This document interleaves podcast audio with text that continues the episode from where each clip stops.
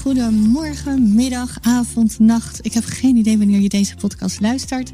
Maar ik ben Caroline Hertog van Budget Coach Wanningsveen. En ik wil jullie meenemen in de podcast die ik ga maken. En die heet Het gaat altijd over geld.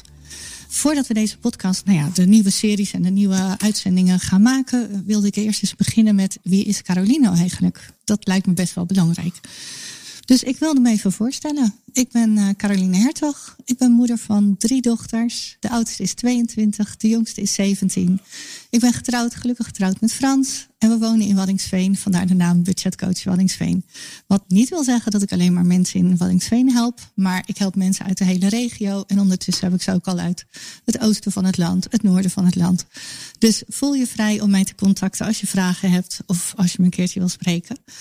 Maar um, om te beginnen met waarom ben ik met budgetcoach Wanningsveen begonnen? Dat heeft zijn oorsprong in mijn uh, vorige werk. Ik heb altijd in loondienst gewerkt.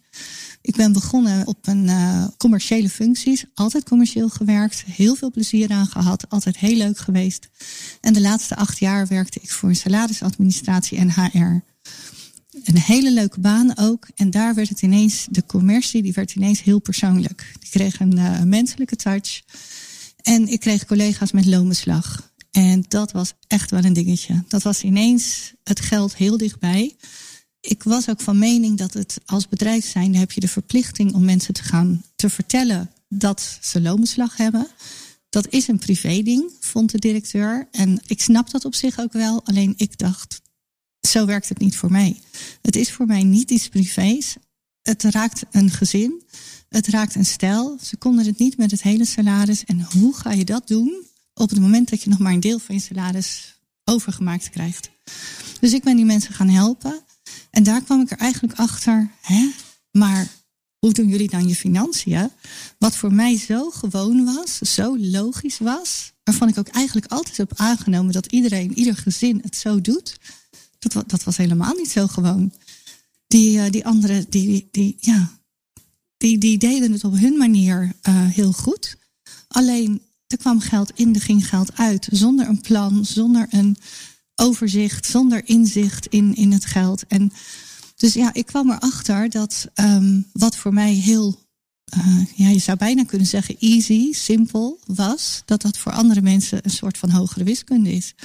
Dus ik ben die mensen gaan helpen en um, ik kwam op dat moment, uh, nou ja, ik noemde daar net al eventjes de, de leeftijden van mijn dochters.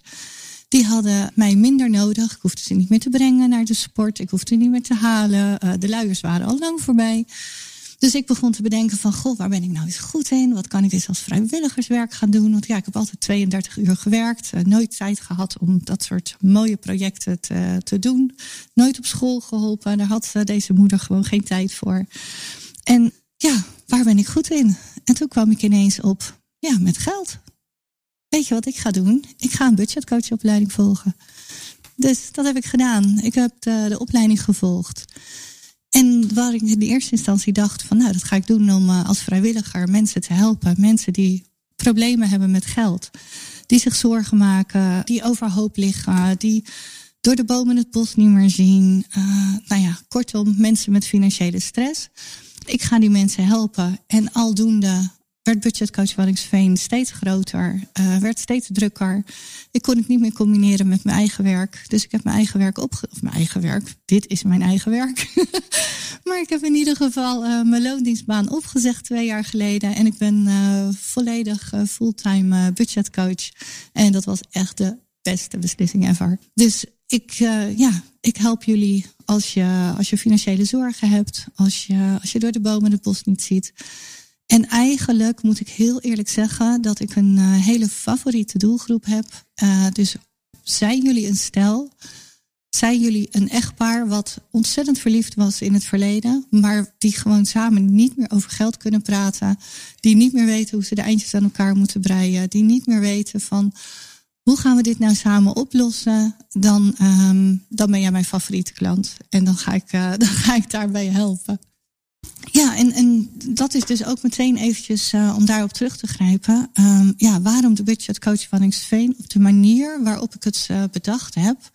Dat is dat, er, dat ik vind dat de echtparen die het gewoon goed voor elkaar hebben, waar twee salarissen binnenkomen, waar, uh, die in een leuk huis wonen, eventueel zelfs twee auto's voor de deur hebben staan, die vallen een soort van tussen de wal in het schip in Nederland. En ik heb het idee dat dat niet helemaal eerlijk is. Mensen die bij de minima horen, die hebben altijd nog een vangnet. Die kunnen naar de gemeente, daar is een schuldhulpverlening voor. Maar juist de mensen die het goed voor elkaar hebben, die vinden daar gewoon geen gehoor. Die, ja, die, die vallen, wat ik al zei, tussen de wal en het schip. En waar ga je nou naartoe op het moment dat je je zorgen maakt? Op het moment dat sparen gewoon niet meer lukt. Op het moment dat je lijstjes maakt en de lijstjes kloppen niet, valt iedere keer weer terug in verwijten, in uh, met elkaar praten, uh, niet tot oplossingen komen, uh, niet meer zien waar de oplossingen liggen. En dan in dat gat tussen, tussen schuldhulpverlening aan de ene kant en de grote bedrijven, want er zijn grote bedrijven. En Nibud heeft ook budgetcoaches. We hebben ook een, nou ja, ik, ik zal voor de rest geen namen noemen, maar we, we hebben verschillende grote bedrijven die ook budgetcoaches hebben. Maar dan, ben je er wel één van velen. En ik wilde juist in dat in dat stukje in het midden gaan zitten.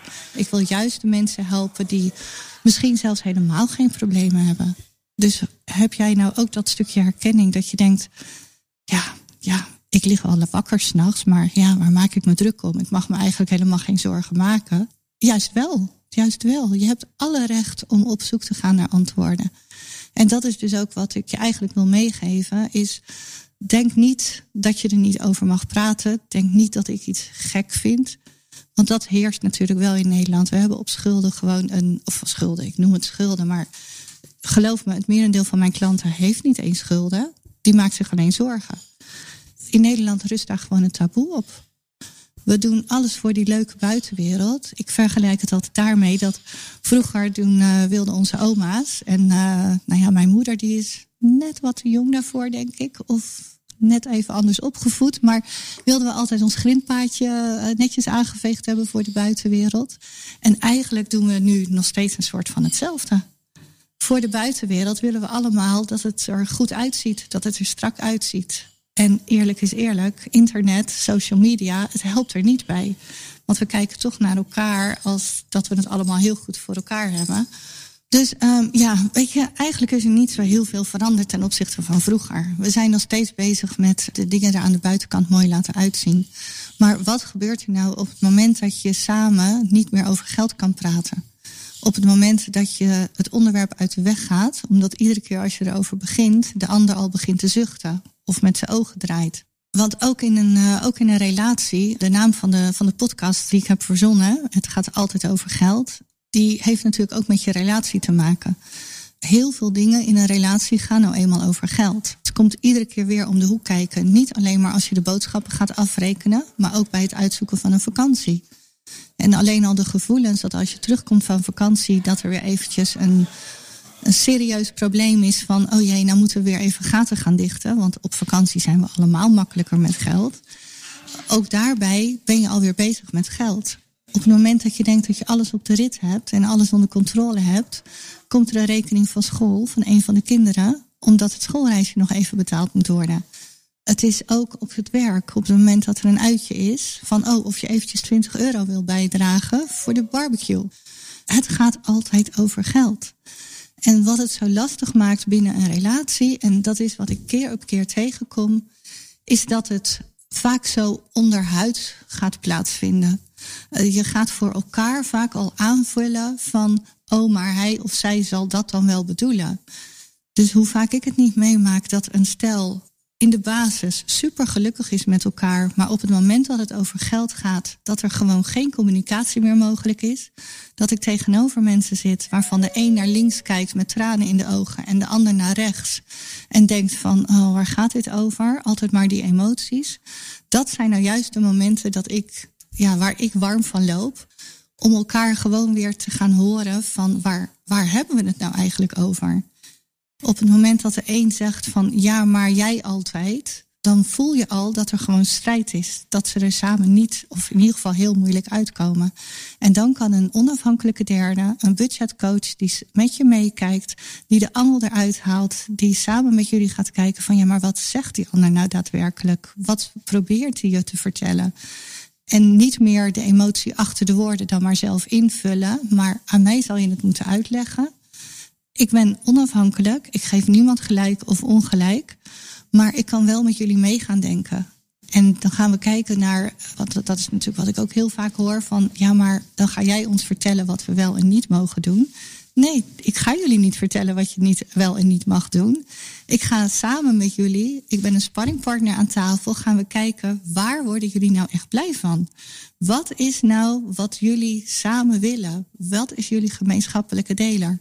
En daar gaan we naar op zoek. En dan gaan we kijken hoe we de grote puzzel kunnen oplossen. Dit zijn de inkomsten. Misschien kan ik zelfs nog geld vinden voor jullie van mogelijkheden die jullie laten liggen, waar je nooit aan hebt gedacht, out of the box. Uh, misschien zijn er wel rechten waar je recht op hebt. En daar gaan we naar kijken. Maar ook aan de uitgavenkant, um, wat gebeurt er nou eigenlijk? Welke puzzel hebben we met elkaar op te lossen? En je zal er versteld van staan. Je kan gewoon aan 100, misschien wel 200 knoppen draaien om die puzzel van jullie weer gewoon goed te krijgen. Van de rode cijfers naar de groene cijfers. En dat er ineens sparen wel lukt. Omdat je gewoon op een hele andere manier met geld omgaat. Omdat de angel eruit is. Omdat je samen weer ziet van hé, hey, waar willen we naartoe? Waar komen we vandaan? Wat is ons idee? En laten we eerlijk zijn, hoe ontzettend mooi is het als je gewoon het goede voorbeeld voor je kinderen kan zijn. Want kinderen zijn net papegaaitjes. Die doen alles na wat ze bij papa en mama zien gebeuren. En op het moment dat jullie weten hoe je met geld kan omgaan, dan pakken de kinderen dat feilloos op. En we kijken naar voren en we kijken naar welke levensfase de kinderen hebben. We kijken naar wat er gaat. Ik bied tips, mogelijkheden, kansen. Uh, we, gaan, we gaan echt op allerlei manieren geld vinden waar je het gewoon nooit voor mogelijk had gehouden. En dat is dus waarom ik budgetcoach Wanningsveen ben gestart. En waarom ik zo dankbaar ben voor al die stellen. Ik heb nu zo'n 90 mensen. Ik heb vanmiddag nog eventjes gekeken. Zo'n 90 mensen in de afgelopen vier jaar mogen helpen. En de resultaten zijn gewoon altijd weer zo bijzonder. Het is altijd weer hartverwarmend en altijd weer uit een hoek die ik gewoon ook zelf niet aan zie komen. Het is allemaal maatwerk, maar zo ontzettend dankbaar. Dus ja, ik denk dat ik dan daarmee wel een beetje heb verteld uh, wie Caroline is, waarom ze doet wat ze doet wat mijn beweegreden is. En uh, nou ja, ik ben heel benieuwd wat je, wat je hiervan vindt. Uh, laat het me vooral weten. Zet een commentaar, uh, geef een duimpje. Doe op de podcast stream wat, wat, wat kan. Maar ik zou het ook heel leuk vinden om, om vragen te krijgen. Dus heb je vragen, heb je een advies, heb je iets, dan, dan ga ik kijken wat ik daar in de toekomst mee kan. Nou, in ieder geval heel erg bedankt voor het luisteren. En nou, tot de volgende aflevering. Thank you.